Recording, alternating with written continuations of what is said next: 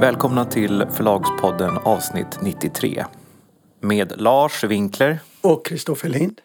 Och nu närmar vi oss 100. Ja, fortfarande närmar vi oss 100. Och nu är det varje vecka, så det är snart 100. Ja, hoppas att vi inte dör av en nedfallande istapp. Innan dess, nej. Såklart.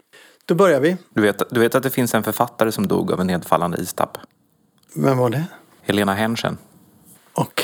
Hon skrev, hon skrev två fantastiska romaner, eller om det blev tre, som kom ut på Brombergs. Ja. Eh, Den första handlade om hennes morfar och sen var det var de här von Sydowska morden. Ja, just det, Eh, just det. Hon var en riktig talang. Hon hade liksom jobbat som layoutare eller originalare, eller någonting sånt där. Eh, Och sen så, liksom typ när hon var pensionär så skrev hon dessa otroligt bra romaner. Ja. Och hon gick på Drottninggatan, det här, det här har berättats för mig så jag vet inte exakt om det är sant. Men hon gick på Drottninggatan eller någon annan gata och så fick hon en istapp i huvudet och fick väldigt ont i huvudet. Så gick hon hem och la sig. Och sen vaknade hon och hade väldigt ont i huvudet. Och sen åkte hon in och kollade där och då var det liksom för sent. Då hade hon några timmar kvar. Vilken historia. Ja, den är hemsk. Men det fanns ändå en koppling till, till, till förlagsbranschen. Så därför så håller den i Förlagspodden. Ja.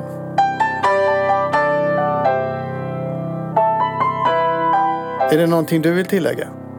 Inte i det här, men jag skulle ju eventuellt berätta för dig när Annette Kullenberg eh, bjöd på lunch för att jag skulle få träffa hennes mammas kusin som hade firat jul med Hjalmar Söderberg i eh, Köpenhamn. Ja, kör då. Ja, Annette Kullenberg skulle bjuda Leif Eriksson och Eva Landsmanis och mig på lunch. Och de tre, vi tre var väl i stort sett på den tiden Lind Company. Det här var ganska många år sedan. Med på lunchen skulle också Annettes kusin komma. Eller inte Anettes kusin, Anettes mammas kusin. Och det var en kvinna som var i ja, 88-årsåldern skulle jag tro. Kan ha varit 85, men jag tror att hon var närmare 90. Och hon hade eh, som barn vuxit upp i Köpenhamn och firat jul med Hjalmar Söderberg. Och det där tyckte jag var otroligt fascinerande. Eh, någon som hade träffat Hjalmar Söderberg. Eh, och Annette, hon eh, var väldigt stolt över det här och liksom hon skulle liksom presentera oss för varandra och så skulle hon sitta där och berätta om hur Hjalmar Söderberg var. Så vi åkte ut dit till eh, Saltsjö-Duvnäs tror jag det hette. Hon hade ett väldigt vackert hus som låg på en skärgårdsklippa ner mot vattnet till. Det var verkligen en saltkråkig idyll. Och när vi kommer dit så har hon, hon, levde, hon var ju en sån här grandios person som alltid levde över sina tillgångar. Så att hon hade hyrt in serveringspersonal och caterat och det, liksom, det serverades med, i vita livréer och sådär. Eh, och eh, jag minns också att när vi kom dit så min kollega Leif Eriksson han, han, hade, ja, han kom som han brukar vara klädd. Inte några särskilt märkvärdiga kläder. Jag hade en vit linnekostym. Och då så säger hon till honom så här. Åh, är det ingenjören? Är ingenjören verkligen ansträngt sig för att vara fin han åker ut i skärgården? Så himla fint. Och sen så fortsatte det sådär. Ehm, och eh, under hela lunchen då så var den här Margareta med men hon fick inte prata om Köpenhamn och Hjalmar Söderberg för det skulle vi ta sen. Det var liksom höjdpunkten.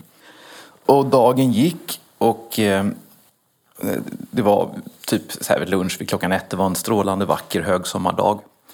Dagen gick och eh, sen så kom det kaffe och det kom avec och sådär. Och då så var det liksom dags. Och då säger Anette så här. Margareta, berätta nu för bokförläggaren och ingenjören hur det var att fira jul med Hjalmar Söderberg. Och då säger hon så här. Ja, det var jul i Köpenhamn och jag kommer ihåg att mor sa att när Hjalmar talade då var det som om han läste ur en bok. Och då blev ju Anette skitsur. Och så sa hon så här. Margareta, för i helvete. Berätta hur det var att fira jul med Hjalmar Söderberg i Köpenhamn. Och då säger hon så här. Det ska jag berätta Anette. Jag minns det mycket väl. Eh, jag var barn och vi var i Köpenhamn. Och jag minns att mor sa att när Hjalmar pratade då var det som om han läste ur en bok. Och då blev hon helt galen Eh, och började skrika och vi flydde därifrån. Och på vägen hem så säger den här eh, Margareta att bry er inte om henne, hon har alltid varit galen och det kommer från hennes mor. Det, det konstiga i den här historien är att Anette eh, hade ju en egen släktrelation till Hjalmar Söderberg kan man säga. Hon hade en halvbror som var barnbarn till Hjalmar Söderberg. Som dog i början av 90-talet. För det var nämligen så att hennes mamma, som hette Helen, gift Borgström, född stark. Hon gifte sig i sitt första äktenskap med Tom Söderberg som var ja, Hjalmar Söderbergs äldste son tror jag. Eh, och de fick en son som hette Staffan. Som alltså var halvbror till Anette. Så att hon måste ju själv ha haft, kan man tycka, historier om Hjalmar Söderberg. Och hennes mamma måste ha träffat Hjalmar Söderberg. Men det var allt du fick av henne då alltså? Att Ja, det var allt jag fick. Ja, ja man kan säga vad man vill om eh, Anette Kullenberg. Hon, eh, jag tyckte väldigt mycket om henne som journalist när hon jobbade i Buenos Aires och Barcelona och, och, och krönikorna i Aftonbladet. Men sen tappade jag henne, måste jag säga. Mm. Det är många som lyfter fram hennes insats som journalist. Eh, och då från Argentina och sådär. Det var så långt före min tid så jag kan inte liksom relatera till det. Utan de, och de senaste... Det var länge sedan hon... Alltså under, under en stor del av sitt liv så skrev hon ju krönikor i första hand och det var hon ju en mästare på. Eh, de där, liksom, det, liksom det subjektiva anslaget, den slängiga tonen, det insinuanta, sarkastiska humorn. Men eh, jag har ju svårt, svårt att se att hon var en, en duktig reporter, men det var hon säkert. i- i- Nej, du har ju din andra relation med henne som, Ja. som väldigt få får egentligen som förläggare. Hon stämde dig också, så skrev Nej, hon skickade mig en stämningsansökan, men det är en annan podd. All right.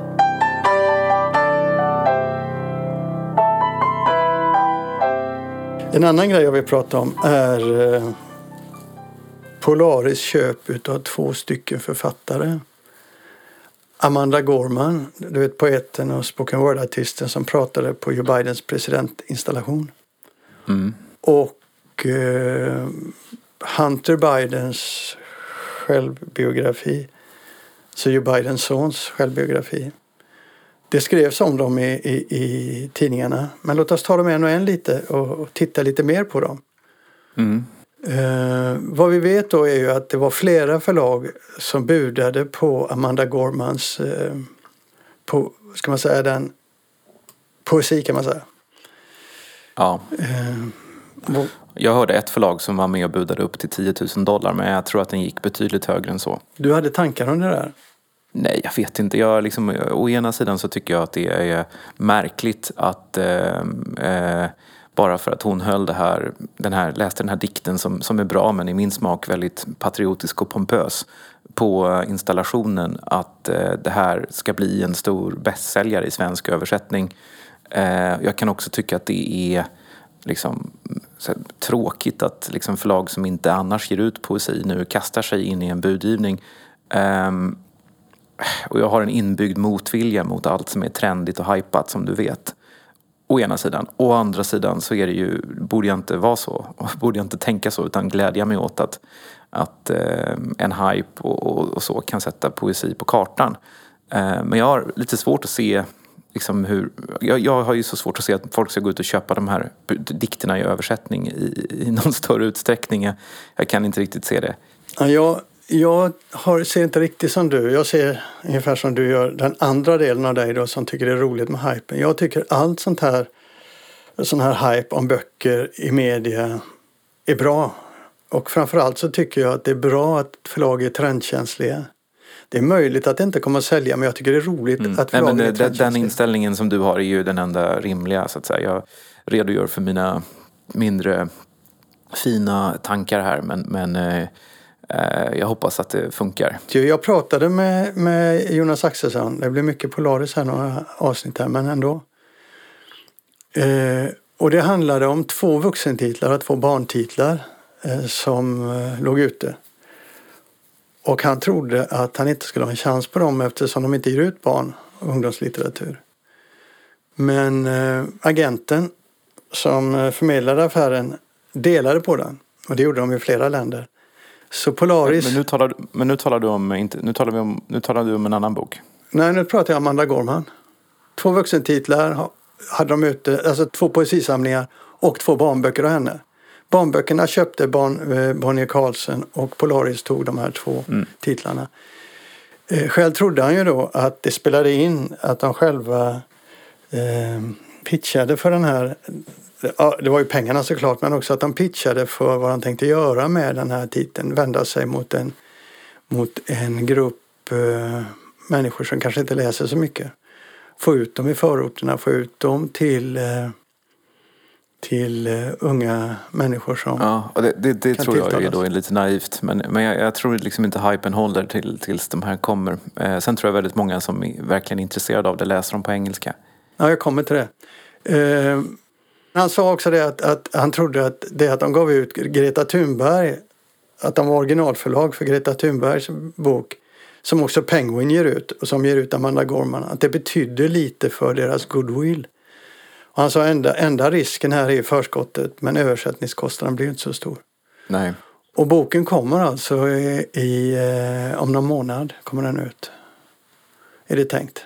Så det blir en snabb produktion i slutet av mars, en och en halv månad. Så att den, eh, den eh, jag tror inte att de förlorar så mycket gentemot den engelska titeln som väl kommer snart också. Men den andra boken är också intressant som de köpte, Hunter Bidens självbiografi. Och den köpte de ihop med Polaris eh, och eh, politiken, ägarna till Polaris i Danmark. Så de gjorde en gemensam sak och la ett bud, ett förhandsbud som antogs utan konkurrens, alltså de preämtade som det kallas. Och fick igenom det. Och han sa det, Jonas Axelsson, att den nederländska underagenten valde ut vilka förlag som skulle få rättigheterna så det var ingen större budgivning.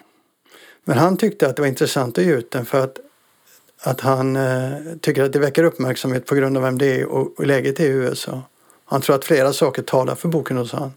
Att det är presidentens son, familjetragedierna i bakgrunden, hans kamp mot missbruk och hans öppenhet i boken gjorde den intressant.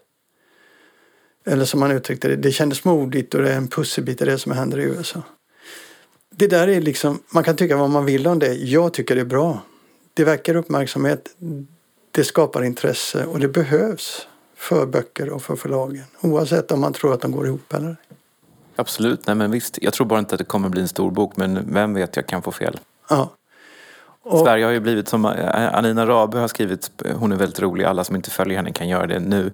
Både på Facebook och Instagram. Eh, hon är litteraturkritiker men hon skriver väldigt roliga grejer i största allmänhet. Hon är precis som jag så trött på att eh, det, den här totala fixeringen kring USA i Sverige och hon skrev att att eh, alla svenskar eh, verkar egentligen i första hand vilja vara amerikaner. Eh, och nu har den här stora eh, fotbollsevenemanget helt plötsligt blivit någonting som alla talar om i Sverige. Ja, jag håller med om det. Jag, jag, jag har aldrig hört talas om det här fotbollsevenemanget. Helt obegripligt. Men bara för att det utspelar sig i USA så är det plötsligt någonting som alla ska förhålla sig till. Men du har ju inte hört talas om något idrottsevenemang. Nej, det är sant. Jag, jag, kan, jag kan tycka att det blir väldigt mycket USA och väldigt lite Europa. Eller för den delen eh, Ryssland, Asien, Afrika. Eh, jag är urtrött på, på USA och amerikansk politik. Och det är faktiskt inte framtiden. Nej, men jag, jag, tror att det kommer att ändra sig. Jag tror till exempel att Tyskland kommer att få ett större inflytande, kulturellt inflytande i Sverige. Eller jag hoppas det i alla fall. För det, det liksom är vuxet än USA som är... Jag är också väldigt trött nu efter fyra år med Trump och den här övergången. Man blir matt på alla, alla svarta bilder man får. Man blir matt på det men man blir också matt på alla svenskar som ska förhålla sig till det. Kan vi inte bara liksom koncentrera oss lite på vår egen värld och vända oss utåt? Att, att uh, ha sån total fixering kring, kring USA är också en kulturell isolationism och provinsialism. Ja det är det. det det men nu, nu, glid, nu glider vi bort från ämnet. Ja, då ska jag bara avsluta den här punkten med att säga det att det som är intressant också det är att uh, Även Hunter Bidens självbiografi kommer ut första veckan i april så de får köra tre översättare för att hinna med. Och eh, det där har Jonas Axelsson jobbat med förut. Som mest har han haft sex översättare till en titel när han jobbade på Albert Bonniers förlag. Är förlagspodden nya Polarispodden eller? Jag sa ju det, att det blir lite mycket nu men det är bara för att han hade nyheter. Det kan du bli irriterad på i klippläget ifall det finns. Nej jag blir inte irriterad, jag tycker bara Eh, jag, är bara effektiv idag, jag har så himla mycket att göra. Mm. Då tar vi nästa punkt då. Du reagerar på en sak eh, som inte jag reagerar så mycket på i Svensk Bokhandel när Bonniers gick ut och berättade att de har sparat rätt mycket pengar 2020 på att inte resa någonstans. Så reagerade du först och tyckte men kan man spara pengar på det? Men du kom tillbaka och... Alltså det var inte, det var inte så att jag reagerade på kan man spara pengar på det. det är väl helt, jag, jag tänkte två saker. Det var alltså Sara Bursvik som berättade då att eh, de har haft ett jättefint resultat. Eh, Bonnier Books gjorde väl de ökade eh, omsättningen till 6,1 miljarder och gjorde ett resultat på 12 procent. Bonnierförlagen ökade inte, men minskade inte heller, men ökade vinsten till 9 procent. Och då så säger hon att, eh, att eh, resestoppet då under coronapandemin ledde till kraftigt minskade kostnader. Ehm, det är väl självklart tänkte jag, men, men eh, leder de till också till kraftigt ökade vinster det framgår inte riktigt att de har gjort, men det framgår att de har bidragit till det fina resultatet. Eh, och eh, det står så här, en anledning till den ökade vinsten är alla de resor och representationstillfällen som kommit att ställas in som följd av pandemin, säger då Sara Börsvik. Eh, och då tittade jag lite grann i mina egna siffror och eh, blev lite förvånad faktiskt över hur, hur stora poster det ändå är som faktiskt har försvunnit. Eh, Lind Company har brutit räkenskapsår per sista juni och eh, från första juli till och med sista december så har våra resekostnader ehm, sjunkit från 123 000 till 14 000. Hotell och logi i Sverige har sjunkit från 153 000 till 9 000. Kost och logi i utlandet har sjunkit från 49 000 till 0. Utställningar och mässor, det är typ Bokmässan i Göteborg och Frankfurt, har sjunkit från 698 000 till 21 000 och representation har sjunkit från 120 000 till 45 000. Ehm, förvånansvärt hög siffra ändå. Men eh, totalt sett så har dessa poster sjunkit från 1,14 miljoner till eh, 90 000. Och det är alltså en eh, differens på en miljon. Så det, det är ju faktiskt, eh, liksom, eh, på, på marginalen så förbättrar ju det resultatet. Ja, det var överraskande siffror tycker jag. både och. Både och. Men, ja. men, den, stora, den stora vinsten är ju att det inte blev någon bokmässa i Göteborg. Eh, för det, det är ju den riktigt stora posten och det är också en sån här post som här i bokföringen så ser vi vad den kostar men sen så syns ju inte all tid som vi lägger på planering på förlaget och eh, även eh, tid som eh, en del externa PR-personer får lägga på bokmässan och sådär. Så den är egentligen betydligt dyrare. Och, och, och kostnaden för mig också? Där går en miljon ja, till. Ja, just det. För Lasses scen, ja. ja just det. Ja. Så att, sen kan man ju tänka sig att Bonnier, eh, Bonnierförlagen som är mycket större och som har mycket mer mellanchefer som åker på mycket fler roliga konferenser och sånt. Att deras, alltså deras kostnader är inte bara högre för att de är större utan att de är proportionerligt större. Jag skulle tro det. Vi reser nog ganska lite egentligen. Ja. Men å andra sidan är de här resorna en viktig del utav eh, ett förlags eh, kultur, eller ska man säga, själ? Ja, det kan man säga. Men att läsa, det är också att resa. Töntig du är ibland alltså. Ja, då kan man läsa reselitteratur då menar du istället för resa? Mm.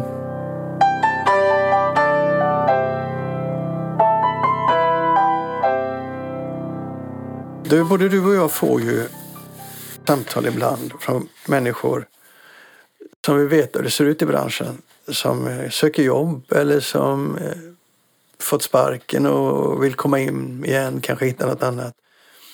Och jag tänkte det, vi har ju sällan tid att prata om sådana saker.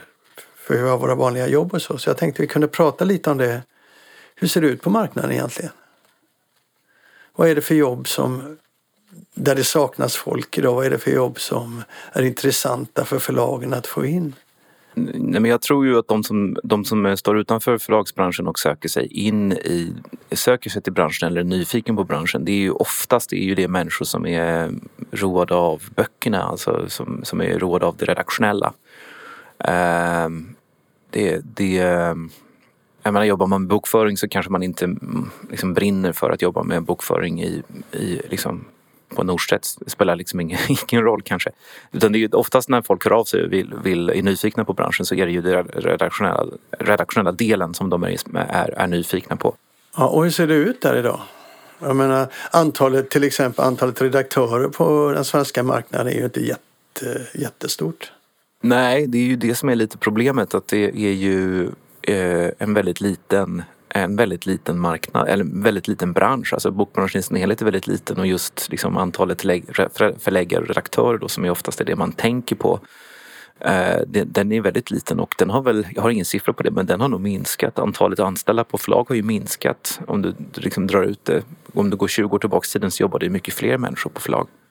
Men hur, hur ser återväxten ut när du tittar på, på på det? Jag hade nog ägnat mig mer åt den frågan om jag satt på Norstedts eller på Bonnier.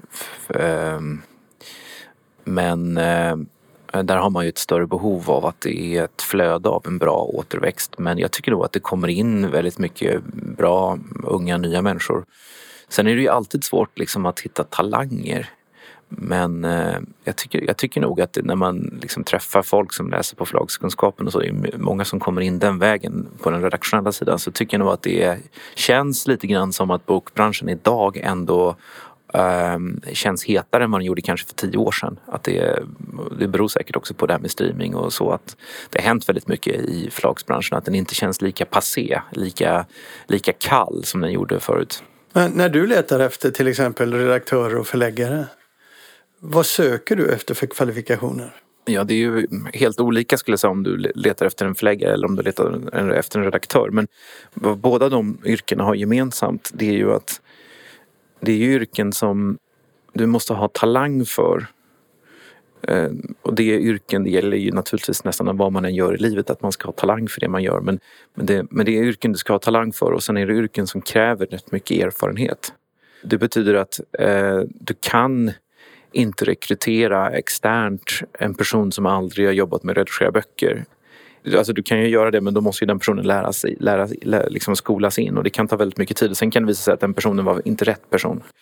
Så det är, det, och det är det som är lite knepigt med, med just de, det redaktionella. Att det är väldigt svårt att göra externa rekryteringar. Det är mycket lättare att, att eh, rekrytera ex, externt till marknadsavdelningen eller till eh, administrativa sysslor eller till och med kanske till, till liksom bolagsledningen och sådär.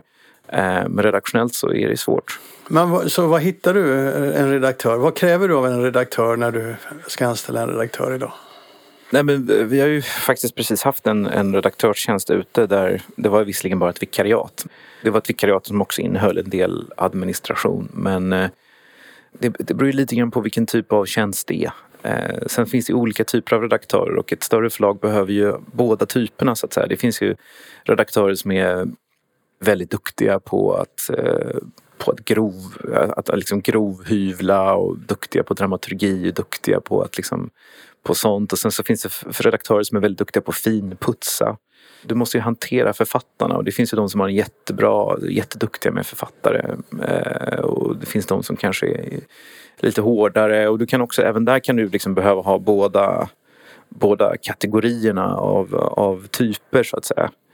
Men eh, ett, ett problem vi ofta har när vi rekryterar tycker jag eh, eller när vi rekryterar, det är inte så att vi är ett jätteförlag och rekryterar hela tiden men ett, ett problem kan vara att sortera bort de som eh, är för fina i kanten, de som är för snobbiga. Det är ju generellt sett ett problem som bokbranschen dras med. Att Eh, många som söker sig hit kanske eh, de inte riktigt förstår att bokbranschen är en väldigt kommersiell bransch och att det kan vara svårt liksom, att hitta folk som faktiskt är roade av kommersiell skönlitteratur. När vi, när vi hade den här ansökningen inne nu om det här vikariatet så fick vi otroligt många ansökningar. Eh, och det var bara en enda som skrev att hon älskar kommersiell skönlitteratur. Ingen annan, ingen annan nämnde det och då är ändå det, det som Lind Company huvudsakligen jobbar med. Hon som skrev det fick jobbet. ja, hon visste vad hon gjorde. Men... Ja, nej, men det, här, det, här, det, det låter som att jag kanske sitter och, och liksom snobbar kring detta men det är ju verkligen eh, ett, kan vara ett problem och även så många som söker sig till, till förlagskunskapen de har ju läst eh, antingen på kulturvetarlinjen eller så har de en fil. Eh, de man kanske läser, oftast har de läst litteratur men de kan också ha läst konst eller de kanske har läst historia och sådär. Deras intresse för litteratur kan ju vara något helt annat än att, än att eh, helt plötsligt jobba med, med, med det kommersiella. Och det där är svårt för att du ska helst ska du ha, liksom, du ska ha djupet, du ska ha förståelsen, du ska ha intresse, du ska ha bredden, du ska kunna båda. Men, men du får inte förakta det ena eller, eller, eller vara okunnig om det ena för då har man på förlagssidan ingen användning för sådana människor. Men när det gäller förläggare då? Nu, nu, nu är det inte så ofta man letar efter förläggare men, men eh, det är en mer komplex situation. Hur gör, vad tänker du då? Alltså på ett sätt kan man säga att förläggare är mer komplext och på ett sätt så är det mindre komplext. Därför att en förläggare måste inte vara en språklig stjärna. Alltså en förläggare behöver ju inte Oftast så är, kommer förläggarna från, eh, det är oftast redaktörer som blir förläggare så att eh, förläggare är oftast bra redaktörer också. Men eh, det är lite olika egenskaper. En förläggare ska ju se potentialen i en text. En förläggare ska eh, ha mer en näsa för vad som funkar på marknaden. En förläggare ska vara mer utav en eh, affärsutvecklare kan man säga. Eller liksom, redaktörerna jobbar ju väldigt nära författarna på ett sätt, alltså väldigt intimt. De jobbar mycket med texten, de tragglar mycket med varandra. Men förläggarna jobbar ju också nära författarna fast på ett annat sätt. Och, och det är ju nästan omöjligt att ha en förläggare som inte funkar bra med människor, som inte har en känsla för människor. Eh, det går inte att ha en förläggare som blir osams med, med författarna. Så det, det, är liksom, det är lite mer, lite mer komplext faktiskt. Men sen är det ju det här med att man ska ha lite grann en känsla för vad som funkar eh, och hur det ska paketeras och hur man ska tänka. Det är svårt eh, att hitta bra förläggare för många som är duktiga redaktörer är en annan typ. Eh, har inte alltid riktigt det där liksom, eh, konceptutvecklandet som förläggaren behöver. Samtidigt är ju förläggaren ofta ett större ansikte. Redaktören är ju ofta inte ett ansikte utåt. Förläggaren kan vara det. Ja. Och förläggaren kan få växla och bli förlagschef ofta. Till mindre förlag sen. Men när jag tittar på förläggare idag. Du brukar ju läsa böcker om branschen. Ofta handlar det om förlagschefer och förläggare. Mm. Som, är, som, är, som är rätt eh, breda, rätt humanistiska oftast. Men starka krafter. Och, och då slår det mig, när jag tänker på det så tänker jag unga förläggare idag, vad har de för perspektiv? Vad har de för förebilder? Det, det där slog mig. Jag ser inga förebilder idag som är naturliga. Som man har hört talas om. Jo, men det, det finns väl alla, alltså på alla förlag så finns det säkert förebilder. Eh, men jag, jag, gissar att du tänker på liksom de stora karaktärerna. Liksom. Du tänker på personer som Georg Svensson och såna där. Gammal, gam, gammaldags förläggare. Bertil Kjell kanske du tänker på. Ja. Eh, men det, det, är väl, det finns väl nya liksom, förebilder och jag vet inte, var, var tid behöver ju sina, sina förebilder och eh, mm, jag, jag förstår inte riktigt. Vad är du ute efter? Vad jag tänker på när jag tänker på det här. Det är förläggaren som eh, ansikte utåt lite grann. Ehm, de sätter karaktären vid val av böcker. De tittar på eh, eh, litterära frågor på ett sätt som berör förlagen. Och den debatten, den var, förr tyckte jag den var starkare utåt än vad den är idag. Idag hör man inte så mycket sånt. Jag skulle gärna se förläggare som gick ut mer och diskuterade i samtiden. Vi har några stycken, men vi har inte så många. Alltså jag tror att du har rätt, men jag är inte helt säker på att du har det. Och jag tror att en, en förklaring kan också vara att, att eh, det finns ju otroligt mycket bra människor. Jag brukar tänka på det, att jag har så himla dålig koll på alla duktiga människor som sitter ute på flagen som är väldigt anonyma men som gör fantastiska jobb och som är väldigt intelligenta, intressanta människor. Eh, och idag så eh, har vi, den svenska bokbranschen har konsoliderats väldigt mycket. Så att eh, de stora förlagen har vuxit och eh, det är lite svårare att sticka ut på ett stort förlag för du blir en i, en i mängden, en i teamet. Och det betyder inte att du, du, du är sämre eller du är annorlunda men om du går tillbaks, du säger det var mer, mer, mer, mer karaktär för, det var mer liksom förläggare som syntes förr. Det kan ju också bero på att förr så fanns det fler förlag och eh, förläggare som är förlagschefer på små förlag som de driver själva, de syns ju också mycket tydligare. För, förut hade du liksom en Kjell Pettersson och eh, liksom Dorotea Bromberg-typer var lite mer vanliga. Solveig Nellinge, då får vi gå tillbaka längre i tiden och sådär. Men, men du förstår vad jag menar? Ja, alltså jag ser ju många eh, mindre förlag nu som har kommit upp. Eh, och där kanske framtidens eh, förläggare finns, alltså den typen av förläggare som går ut i debatterna och, och, och tar för sig samtiden.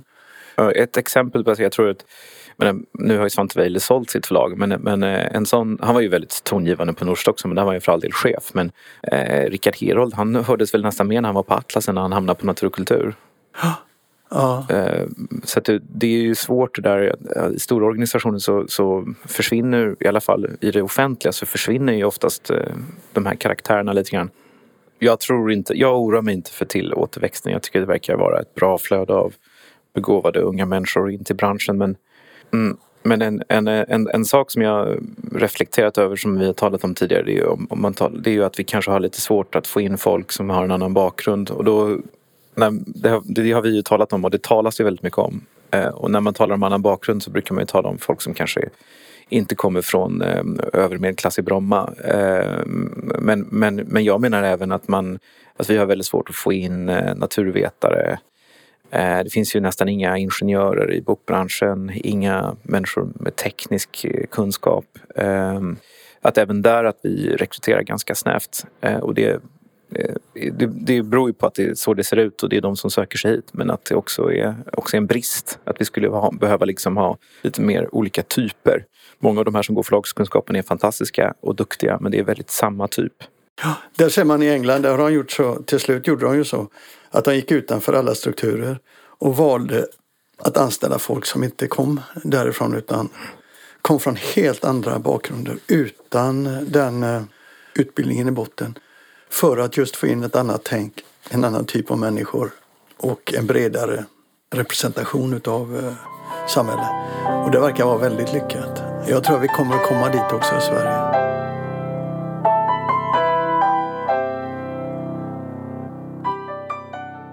Ja, det var allt för avsnitt 93. Vi hörs om en vecka. Hej då! Det gör vi. Ha det bra. Hej!